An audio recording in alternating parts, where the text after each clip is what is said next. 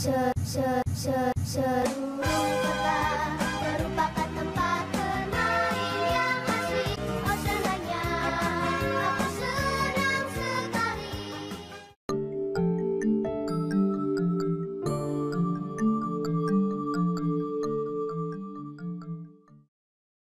hari ini bro dan teman-teman sobat Una semuanya, kita eh, ada tamu dari Jepang nih. Ya. Eh, Hmm. masih masih Mosi mosi. Ohayo gozaimasu. Oh, hayo guys mas. Arigato. Opo yo ya mas? Opo yo ya mas ya? Jadi kalau teman-teman bayangin tamu dari Jepang itu bayangnya gimana tuh? Itu pasti yang putih gitu Putih. ya. Putih rambutnya kayak Suneo gitu mungkin ya. Enggak ya? Putihnya iya lah. Putihnya oke, gantengnya dapet. Ganteng Ini, gantengnya gantengnya Jepang banget ini lah. bukan versi Suneo, ini versi, Versi detektif. Conan. Dekisuki, Dekisuki guys. Oke, kita di depan kita nih Mas Mas Arif Widiatmoko ya. Hai. Oh, mas. Hai ya. Hai. Hai, hai, itu gelegean atau gimana? Kan Mas tadi pagi sarapan. Terus minum, akhirnya di sini. Oke. Hai. Jadi kita eh, datengin Hmm, Mas Arif ini langsung dari Hiroshima, Mas.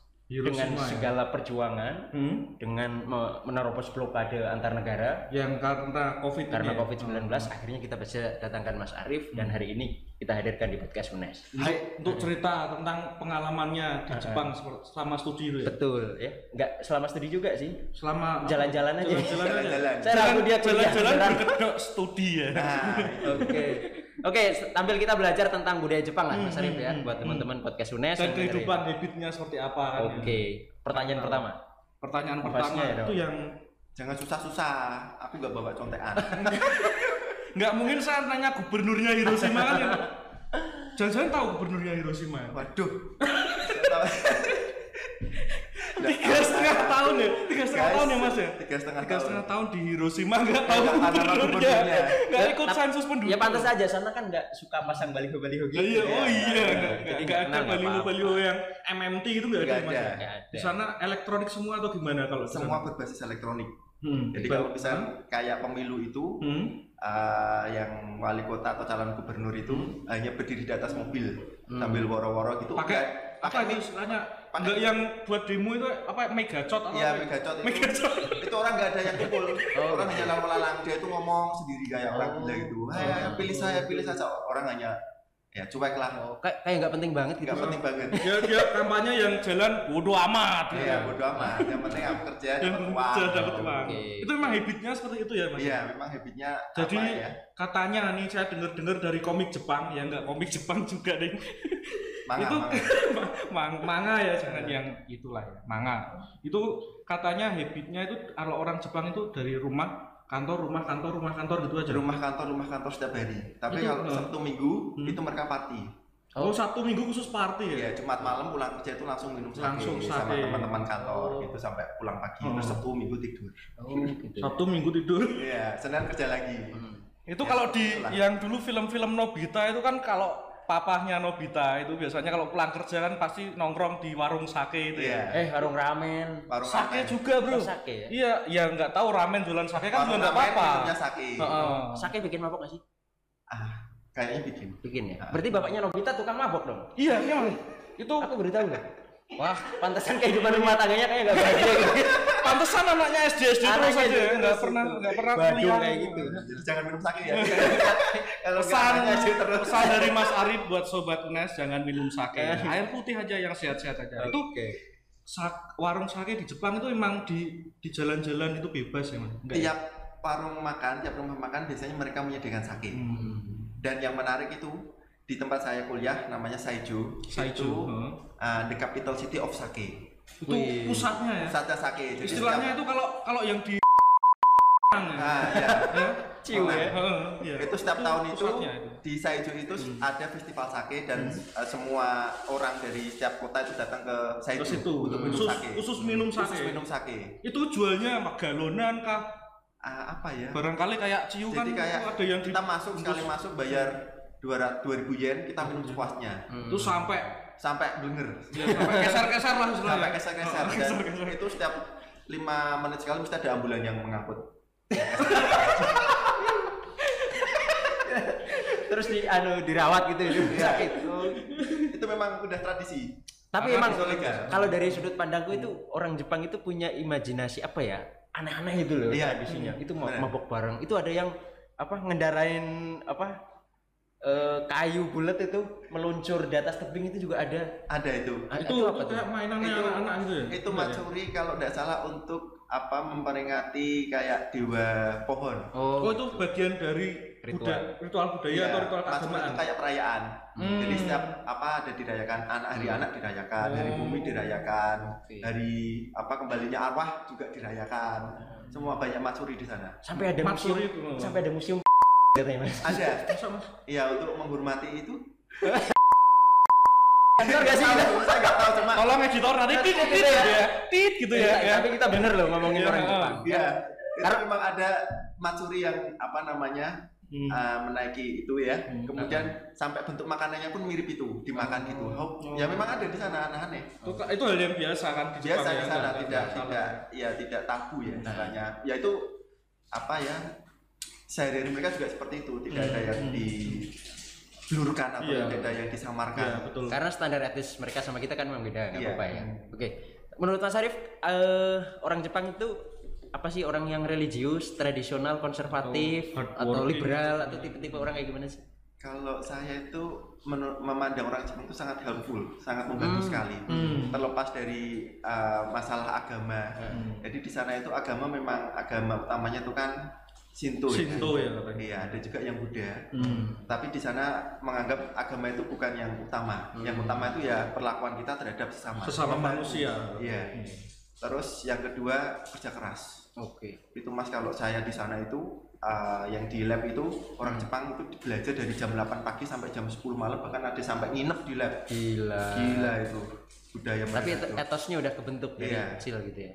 Uh, di, kalau- di tapi di di UNES juga juga kayaknya juga ada loh Sudah ada ya? itu. iya dari jam jam 8 pagi sampai nggak pulang-pulang di PKM dia nggak tahu ngapain itu nginep. kosnya bisa itu pindah kos kan punya kos-kosan berarti. ada juga di Ada di, juga. di J- eh, kalau kalau misalnya ngomongin student life itu saya kan eh, beberapa kali lihat di di serial atau di film-film Jepang itu kok apa tradisinya nih di Jepang yang unik adalah ketika masuk kelas itu sepatu atau sandal dicopot ya kayaknya ya. Iya. Itu apakah bagian dari budaya atau memang untuk menjaga kebersihan atau seperti apa? Ya dua-duanya kayaknya. Itu dua-duanya. menjaga budaya dan menjaga kebersihan. Itu karena di kelasnya Itu- ditulisi bro? musola. atau di, di itu pintunya batas suci Sepatu suci ya, sepatu harus dilepas. atau harus dilepas Ada dua macam sepatu, sepatu luar sama sepatu dalam. oh slippers Ya, istilahnya su- kalau Yang bahasa Jepangnya suripa. Hmm. Kan kan bahasa bahasa Inggrisnya slipper. ya. Hmm. Kalau orang sana kan suripa. Suripa.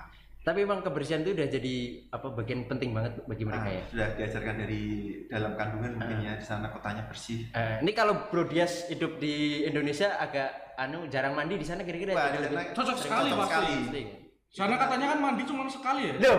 Kalau pas winter, nggak yang di Jepang dulu iya kalau pas winter cuma sekali. Oh. jadi mandi itu tidak suatu sebuah kewajiban Tidak. yang penting perlakuan anda kepada manusia Wih. pesan moral pesan moral Pesan moral Oke. itu mandi Oke. mandi cuma air hemat air karena di Jepang itu nggak ada pam soalnya Nggak ada ya. nggak ada PDAM Terus airnya apa? Hah? Pakai air apa? Ya, itu namanya- sistem sistem airnya seperti apa itu Waduh. tahu nggak Kalau sistem air yang ada PDAM-nya Jepang gitu nggak Ada. Jadi kita bayarnya dua. Ada air yang dipakai untuk mandi sama Hmm. air yang dipakai Oh, untuk beda ya? minum. Beda Jadi ya? kalau saya biasa itu minum pakai air keran. Hmm. Itu biasa. itu langsung bisa diminum langsung bisa diminum. Enggak diare kan? Bahkan kalau lihat di apa namanya yang viral-viral itu selokan di Jepang itu ada ikan koinya itu. Iya iya. Sangat bersih sekali. bersih banget. Oh, jadi jadi sangat tertata sekali kotanya ya. Ini Untuk- tipsnya kalau misalnya kita mau buang minyak goreng itu, Hmm. itu kan kalau kita paling buang langsung ke saluran ya. Kalau biasanya harus dibekukan dulu, Oh. terus dibuang ke sampah, tidak tidak boleh. Oh. Nah, langsung minyak goreng yang ke saluran. berarti yang segala yang limbah yang cair itu harus dibekukan dulu. Iya. Jadi kalau di Jepang kulkas Anda isinya sampah. Jangan berharap nugget, sosis nggak ada. Enggak, dibekukannya bukan masukkan ke kulkas, tapi ditambahi cairan supaya minyaknya membeku. Oh itu. Kan ini ima imaji itu Bro Dias nih. teknologi. Jepang. Nah, kayaknya yang seru juga kalau kita tahu eh, pengen tahu industri kreatifnya orang Jepang kali ya. Hmm, Itu kan hmm, hmm. keren banget kan. Iya, karena banyak sekali loh kayaknya. Heeh, Dari ada- teknologi, Heeh. bahkan sampai manganya kan juga terkenal Hmm. gitu. Manganya juga terkenal. Apalagi yang terkenal? Bu, Bu direktur sudah 10 menit weh. Suka-suka kita lah. Edisi unlimited ini. Edisi spesial. Edisi spesial. Edisi ya. spesial ini student life-nya Jepang seperti itu kan Oke, kita kita tahu. kita tanya soal industri kreatif nih, Hmm. Ma- Mas Syarif. Emang di sana industri kreatif itu jadi di anu apa ya? Bahasa pemerintahannya itu jadi tulang punggung ekonomi Hmm. di Jepang gitu ya? Sih? Oh, gitu. Jadi industri kreatif mulai dari apa ya membuat komik, Mm-mm. kemudian kerajinan, Hmm. kemudian sampai apa art design itu mereka sangat dihargai sekali jasanya.